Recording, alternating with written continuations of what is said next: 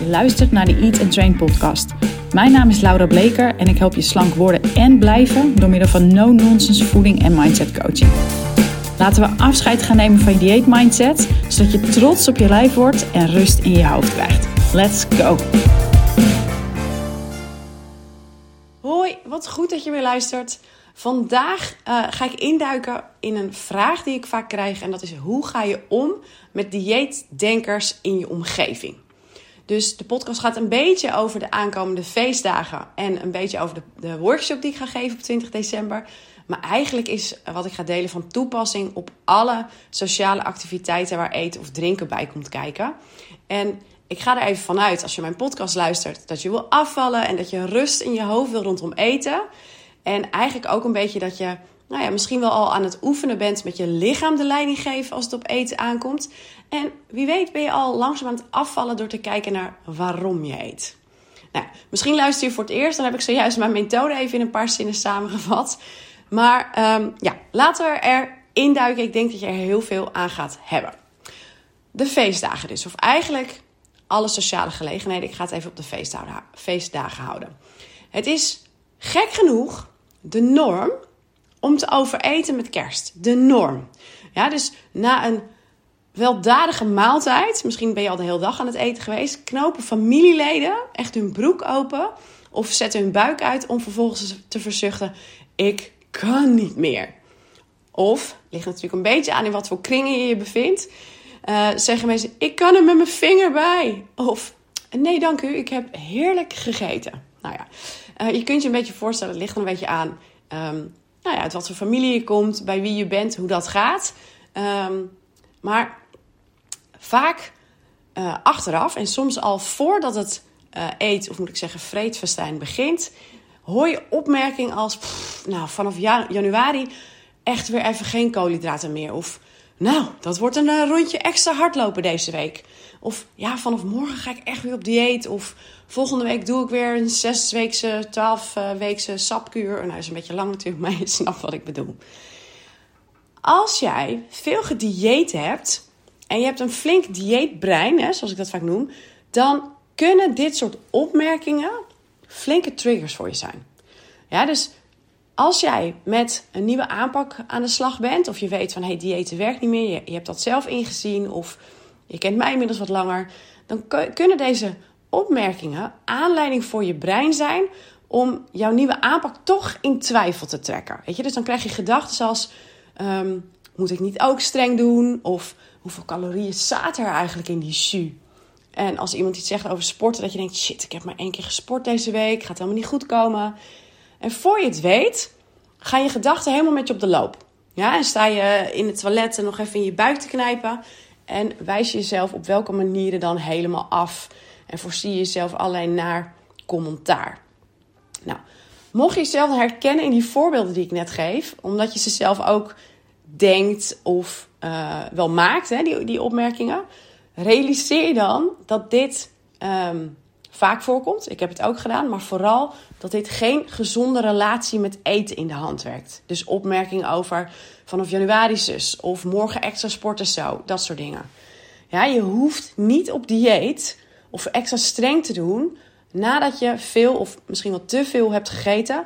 En je hoeft het er zeker niet af te sporten. Ja, dus uh, als je hiervan schrikt, oh ja, dit zeg ik ook, geen zorgen. Uh, ik heb lange tijd niet anders gedaan. En bij mijn familie is het ook nog steeds, gebeurt dat ook nog steeds veel. Um, je kunt hier heel oud en heel slank mee worden. Dus hoe ga je hiermee om? Nou, voordat ik erin duik, nog even op een rij. Ik heb het net, zo kort al, over een aantal dingen gehad. Namelijk mensen om je heen die over eten en dat heel normaal vinden. Ja, met kerst met uit eten of wat dan ook. Ik heb het gehad over mensen die hardop uitspreken dat over eten onschadelijk gemaakt moet en kan worden met sporten. En mensen die stellen dat nu veel of te veel eten oké is, maar dat dat bekocht moet worden met een dieet. Ja, nou, verder heb je natuurlijk ook nog mensen die het nodig vinden om te blijven aandringen met eten. Ja, soms zelfs door jou een schuldgevoel te geven, dus hardop te zeggen dat jij ongezellig bent. Of zelfs te vragen van, ben je nou weer op dieet? Ja, dus, dus die heb je ook nog. Vervolgens heb je mensen die vragen: uh, mag jij dat wel? En daarbovenop nog eens je eigen gedachten en gedrag ehm, die over eten triggeren. Ja, dus er zijn eigenlijk um, um, allerlei soorten mensen. En dan ook nog eens jezelf die allemaal triggers kunnen veroorzaken. Nou, die eerste drie categorieën, dus de mensen om je heen die over eten, ik ga het niet allemaal weer opnoemen, de eerste drie categorieën. Ja, dus als anderen het hebben uh, over eten en afsporten of op dieet gaan, hoe ga je daarmee om? Nou, even to the point. Ik ben van mening dat de beste manier is om met die mensen om te gaan, is niet reageren. En als iemand iets zegt hè, over. Dus het klinkt makkelijker dan het is, maar ik, ik, ga, ik, ga er even, ik ga er even in. Als iemand iets zegt over eten er afsporten, dan moet hij of zij dat zelf weten. Jij weet inmiddels, en anders moet je snel nog wat meer podcasts van me luisteren, dat als je een fijne relatie met eten hebt, dit soort gedachten er niet bij passen. Je hoeft eten niet te verdienen en je hoeft eten zeker niet te compenseren. Ja? Dus als iemand zoiets zegt, dan zal daar vaak niemand op ingaan, of mensen knikken wat of wat dan ook, of het is een losse opmerking. Dan is het redelijk makkelijk om gewoon te denken: oh god, trigger, ik hoef er niet op in te gaan, ik reageer niet, gaat vanzelf voorbij. Als het wel een heel gesprek wordt, ja, dus waarbij andere mensen aan tafel vertellen hoe hij of zij gaat afvallen, uh, of hoe ze gaan sporten of wat dan ook, dan kun je er alsnog voor kiezen om niet te reageren. En dat gaat niet iedereen even makkelijk af. I know. Ik ben een van de personen die het last vindt om dan zijn mond te houden. Maar je hoeft, en dit komt steeds terug, niet direct te handelen als je een gedachte hebt. Je hoeft niets, niets te zeggen. Hou je mond. Ga even naar de wc. Ga wat te drinken pakken. En realiseer je vooral even hoe blij je bent dat jij niet meer op die manier denkt. Of in ieder geval dat je aan het oefenen bent met niet meer op die manier te denken.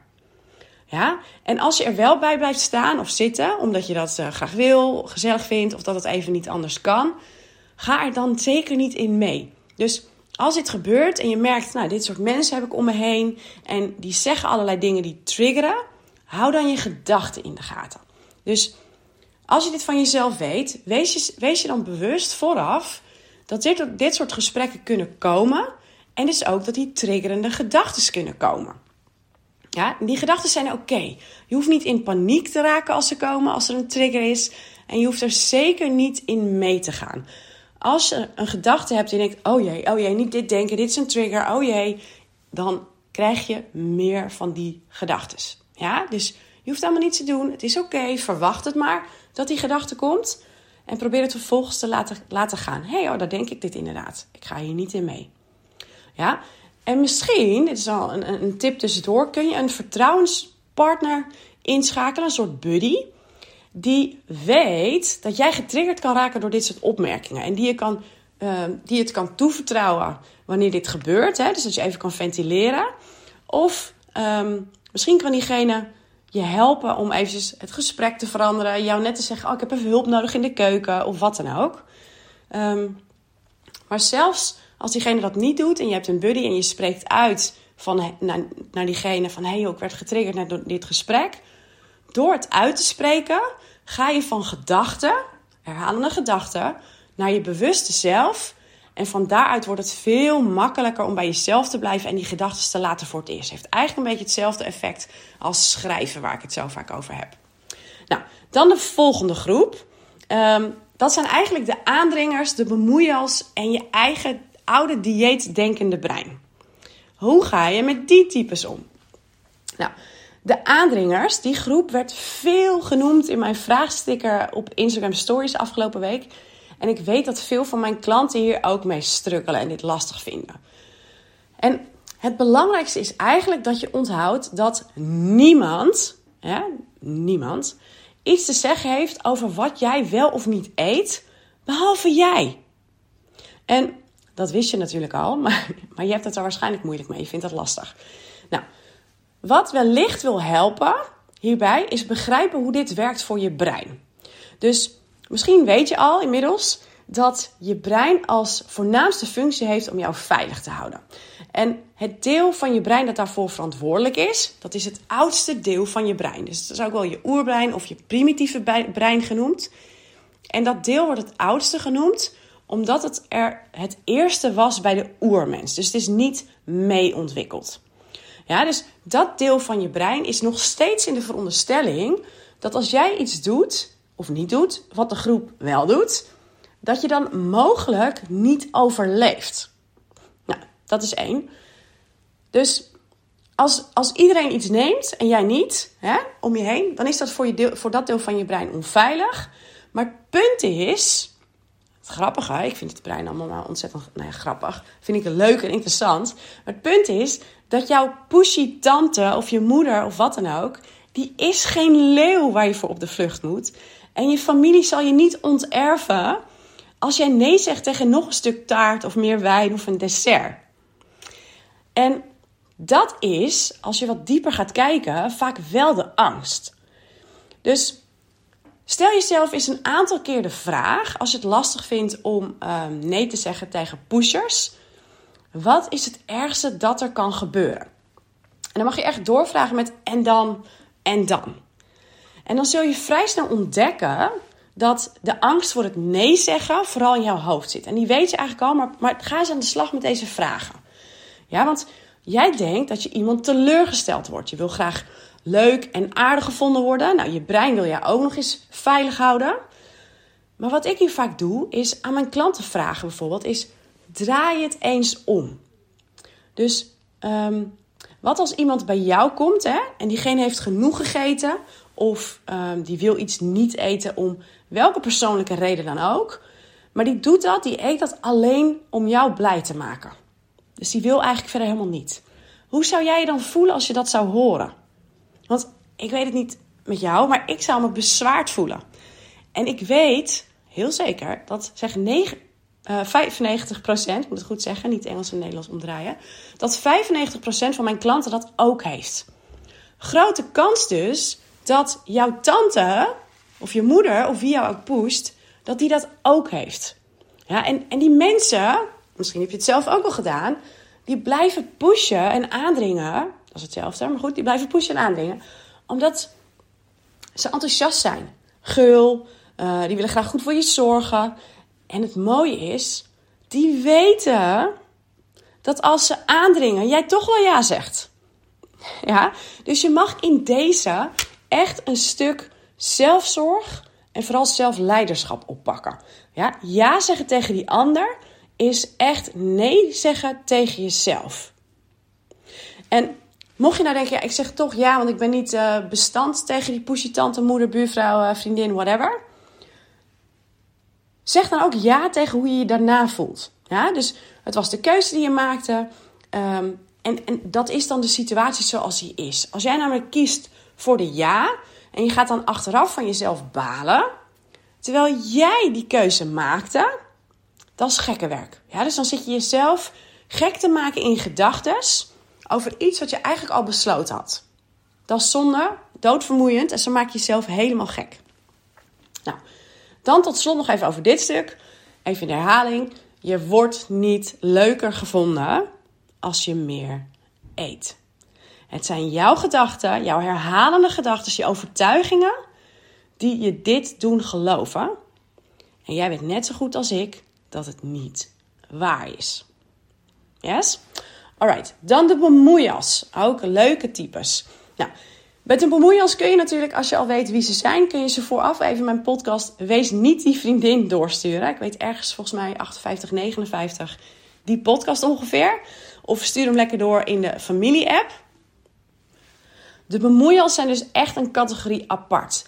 Want als het om voeding gaat, hè, sowieso, lijkt alsof iedereen een mening heeft die kennelijk overal verkondigd mag worden.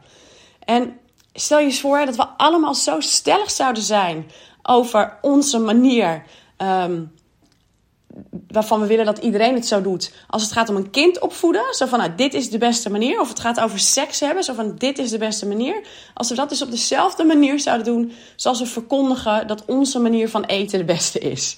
Moet je je voorstellen. Nou, um, anyway, bemoeias komen in verschillende gradaties. Ja? Dus sommige mensen zijn gewoon oprecht nieuwsgierig. En anderen denken echt dat ze het beter weten. En wat ik vaak zie, is een angst. Um, dus bij mijn klanten dat ze een angst hebben dat mensen iets gaan zeggen over hoe ze eten. Maar dat uiteindelijk eigenlijk niemand zich echt bezighoudt met wat jij wel of niet eet.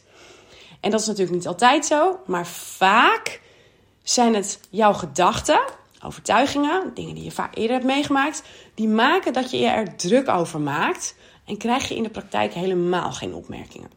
Ja? Ik zeg vaak niet altijd. Want uh, I get you. Ik heb een periode gehad, uh, een van de, dat ik heel strikt met eten was. En um, nou ja, ook een periode dat ik net 15 kilo was afgevallen. En mijn moeder, dat was mijn bemoeial en, uh, en uh, de pusher, zeg maar, heeft letterlijk een keer extra limonade in mijn dessert gedaan.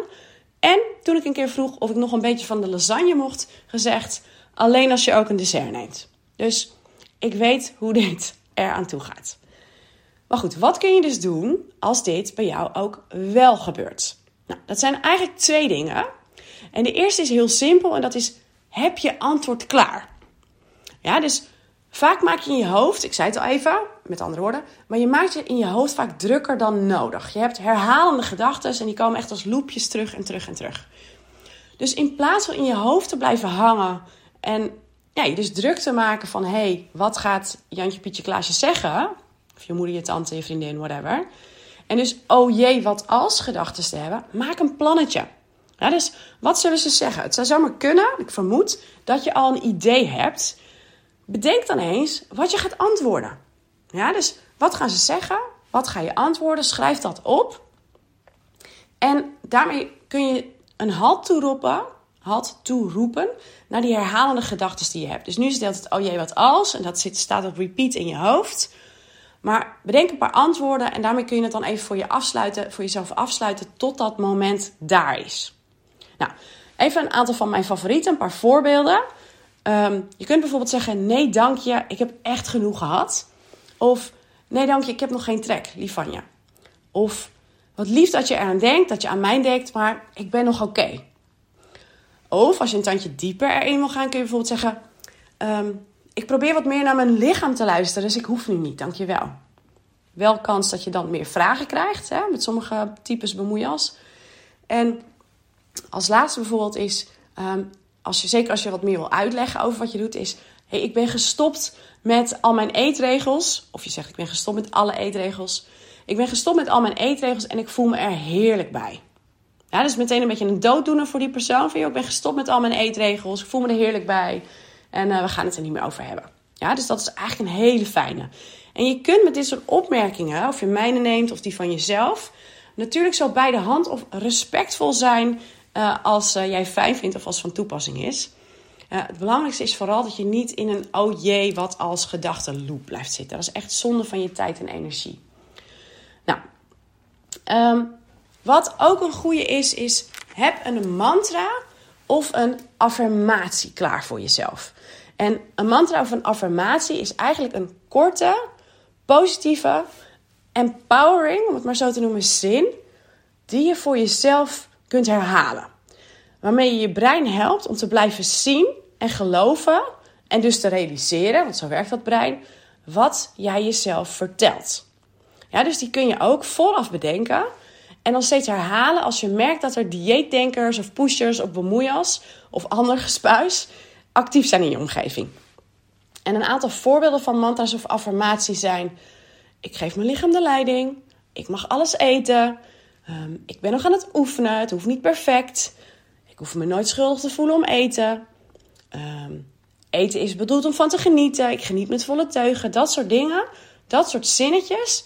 Die zeg je dan in je hoofd tegen jezelf. Ja, dus als iemand tegen je zegt, uh, bijvoorbeeld: uh, Ah, uh, ik zie dat je taart neemt. Zoiets.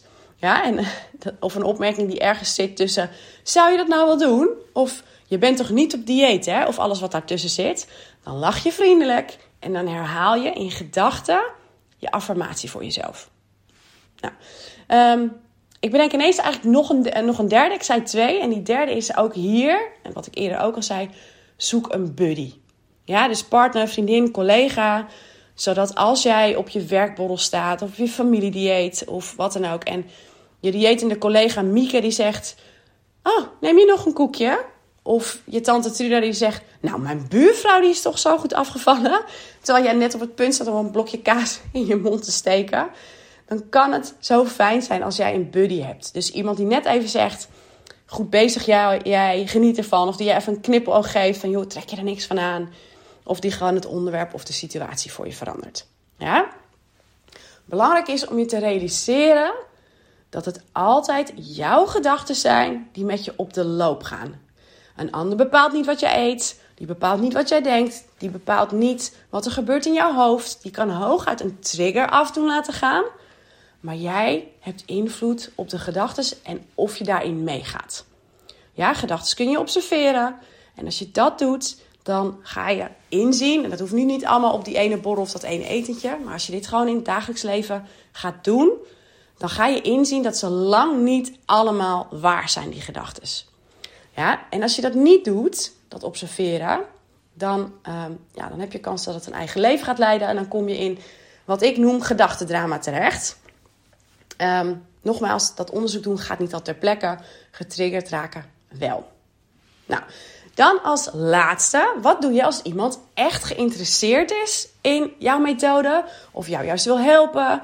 Of je bent zelf zo enthousiast dat je over um, nou mijn methode, de Eat and Train methode, of eigenlijk dus jouw methode, wil vertellen.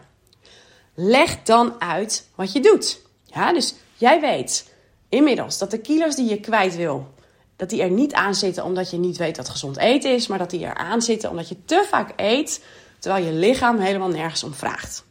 Ja, dus jij luistert nu weer meer naar je lichaam en je bent aan de slag met al die andere momenten. Waardoor je gaat afvallen, rust in je hoofd krijgt en je straks geen dieetmindset meer hebt, maar juist een hele fijne relatie met eten. Nou, um, daartoe voeg ik nog even, als dat gelukt is, hè, dus je hebt geen dieetmindset meer, je bent afgevallen, et cetera. Als dat gelukt is en je wil dan nog meer afvallen, dan is dat vroeg genoeg om te kijken naar wat je eet. Ja, dus zo kun je dat een beetje uitleggen als iemand echt geïnteresseerd is. Nou, um, wat als iemand jou heel graag wil helpen? Nou, diegene, dat kun je vertellen, die hoeft helemaal niets te doen. Ja, dus geen druk, geen stress. Die ander hoeft helemaal nergens rekening mee te houden. Maar je hoeft vooral bij voorkeur, hè, dus dat kun je wel vragen, niet pushen om iets te eten. Nou, als je zelf dus mega enthousiast bent, um, dus iemand is geïnteresseerd, dat had ik net, dan kun je zeggen wat ik net verteld heb. Als iemand je wil helpen, dan hoeft diegene eigenlijk niets te doen, behalve jou geen eten te pushen. En als jij zelf mega enthousiast bent, wat ik me natuurlijk heel goed kan voorstellen, dan kun je hetzelfde vertellen als wat ik net als eerste zei. Maar je mag wel onthouden dat je iemand niet kan dwingen om hetzelfde te doen. Ja, dus hoe belachelijk jij het ook vindt wat zij nu doen, hè, dieet mindset en top misschien, je kunt het uitleggen, je kunt ze niet um, dwingen jouw richting in. Je kunt ze wel laten zien hoe jij het doet. Dus dat je nu ontspannen bent, dat je aan het afvallen bent. En als je op een gegeven moment echt dat gewicht hebt en dat lichaam waar je tevreden mee bent, waar je blij mee bent. Je bent niet meer zo ultra kritisch op jezelf. Um, en je voelt je super, super lekker. Dan gaat die ander vanzelf op een gegeven moment wel vragen van... hey, hoe doe jij dat eigenlijk? Nou, we hebben de meest voorkomende situaties nu gehad. Dus als er um, specifieke dingen zijn waar je hulp bij kan gebruiken, mag je me altijd een DM sturen of een mail. Of je moet er gewoon uh, bij zijn, de twintigste, als je dit nog op tijd luistert. Voor nu zeg ik, ga aan de slag met deze tips. Ja? Ik ga nog een paar dingen herhalen, namelijk dat het allerbelangrijkste is, los van wat ik net verteld heb, dat je onthoudt dat niemand iets te zeggen heeft over wat jij wel of niet eet, behalve jij. Als opmerkingen over eten, diëten, dingen eraf sporten je blijven triggeren, dan heb je werk te doen. Ja, en het helpt met die feestdagen om hier en daar kleine incheckmomentjes in te lassen als je veel mensen om je, als je veel mensen om je heen hebt. En sowieso eigenlijk. Zodat je niet één wordt met al die gedachten die je hebt en in een standje kip zonder kop terechtkomt, alleen maar gaat en overeet en je schuldig voelt. Ja, dus check in bij jezelf. En verder heb je vooral nu een aantal dagen waarin je kunt gaan oefenen met niet meteen handelen als je een gedachte hebt. Dus niet meteen reageren. En dat gaat je op zo, zo, zoveel vlakken in het leven helpen. Nou, raak je dus wel getriggerd, dan mag je echt gaan kijken naar die trigger zelf. Dus wat gebeurt er eigenlijk? Wat zijn jouw gedachten erover? En die um, gedachten, die mag je wat dieper onderzoeken door vragen te stellen als: en wat gebeurt er dan? En is dat waar? Ja, want meestal zit er een angst onder, een angst om het niet goed te doen of niet goed genoeg te zijn of om afgewezen te worden. En ik ga nu echt ineens heel, heel kort door de bocht, want dit is echt iets dat ik met mijn klanten oppak in mijn transformatietraject. Maar die angst, die dieperliggende angst, is vaak niet reëel. Ja, en die komt bij een overtuiging vandaan die je ergens in je jeugd hebt opgedaan. Om daarvan af te komen hoef je echt niet maanden bij een psych op de bank. Je kunt ook gewoon mijn programma doen. Uh, of aflevering 52 van mijn podcast luisteren. Um, dit is echt waar je aan de, aan de slag mee mag als je vaak getriggerd raakt. Ja? Nou, dan nog één ding. Ik heb volgens mij een heleboel waarde gedeeld al. Uh, nog één ding en dan ga ik afsluiten. En dat is dus wat ik al zei. Op dinsdag 20 december om 8 uur geef ik een gratis kerstworkshop. Die helemaal in lijn is met deze podcast en de vorige twee. Ja, dus het doel van die workshop is dat ik je de tools ga geven om kerst zo door te komen dat je achteraf niet vies, dik en vol voelt, maar dat je echt blije herinneringen hebt aan de gezelligheid. En dit werkt natuurlijk door. Dus wat je gaat leren, kun je, nou ja, vanaf nu altijd gaan inzetten. Waardoor jij nooit meer op dieet moet. En zeker niet op 1 januari. Omdat je niet meer overeet. En omdat je 100% begrijpt waarom diëten voor je brein niet werkt. En vooral ook hoe je het dan dus wel aanpakt. Ja, dus dat gaan we doen. Als jij dus balans wil rondom eten, niet meer dat zwart-wit denken, dan wil je hier echt bij zijn. Aanbod is gratis. En als je niet kan, het is natuurlijk super druk de weken voor kerst, meld je dan toch aan. Je krijgt een replay. Maar, leuk detail, ik ga een prijs verloten onder de live-kijkers die er tot het einde bij zijn. Nou, zeg je nou, Lau, hey uh, ik heb interesse in een transformatietraject? Dat kan ook. En als je in januari nog wil starten, moet je heel, heel snel zijn. En anders wordt het echt pas um, laatste week februari, eerste week maart. Ja, dus als je zegt, nou, ik wil samenwerken, wacht dan niet te lang. Als je denkt, ik vind dit heel interessant, um, doe me eerst maar eventjes die, uh, die workshop. Uh, dan praten we daarna verder. Kan dat natuurlijk ook helemaal. Ik hoop je te zien de 20ste. En uh, sowieso alvast hele fijne feestdagen. Maar ik vermoed dat er nog wel een podcastje komt voor die tijd.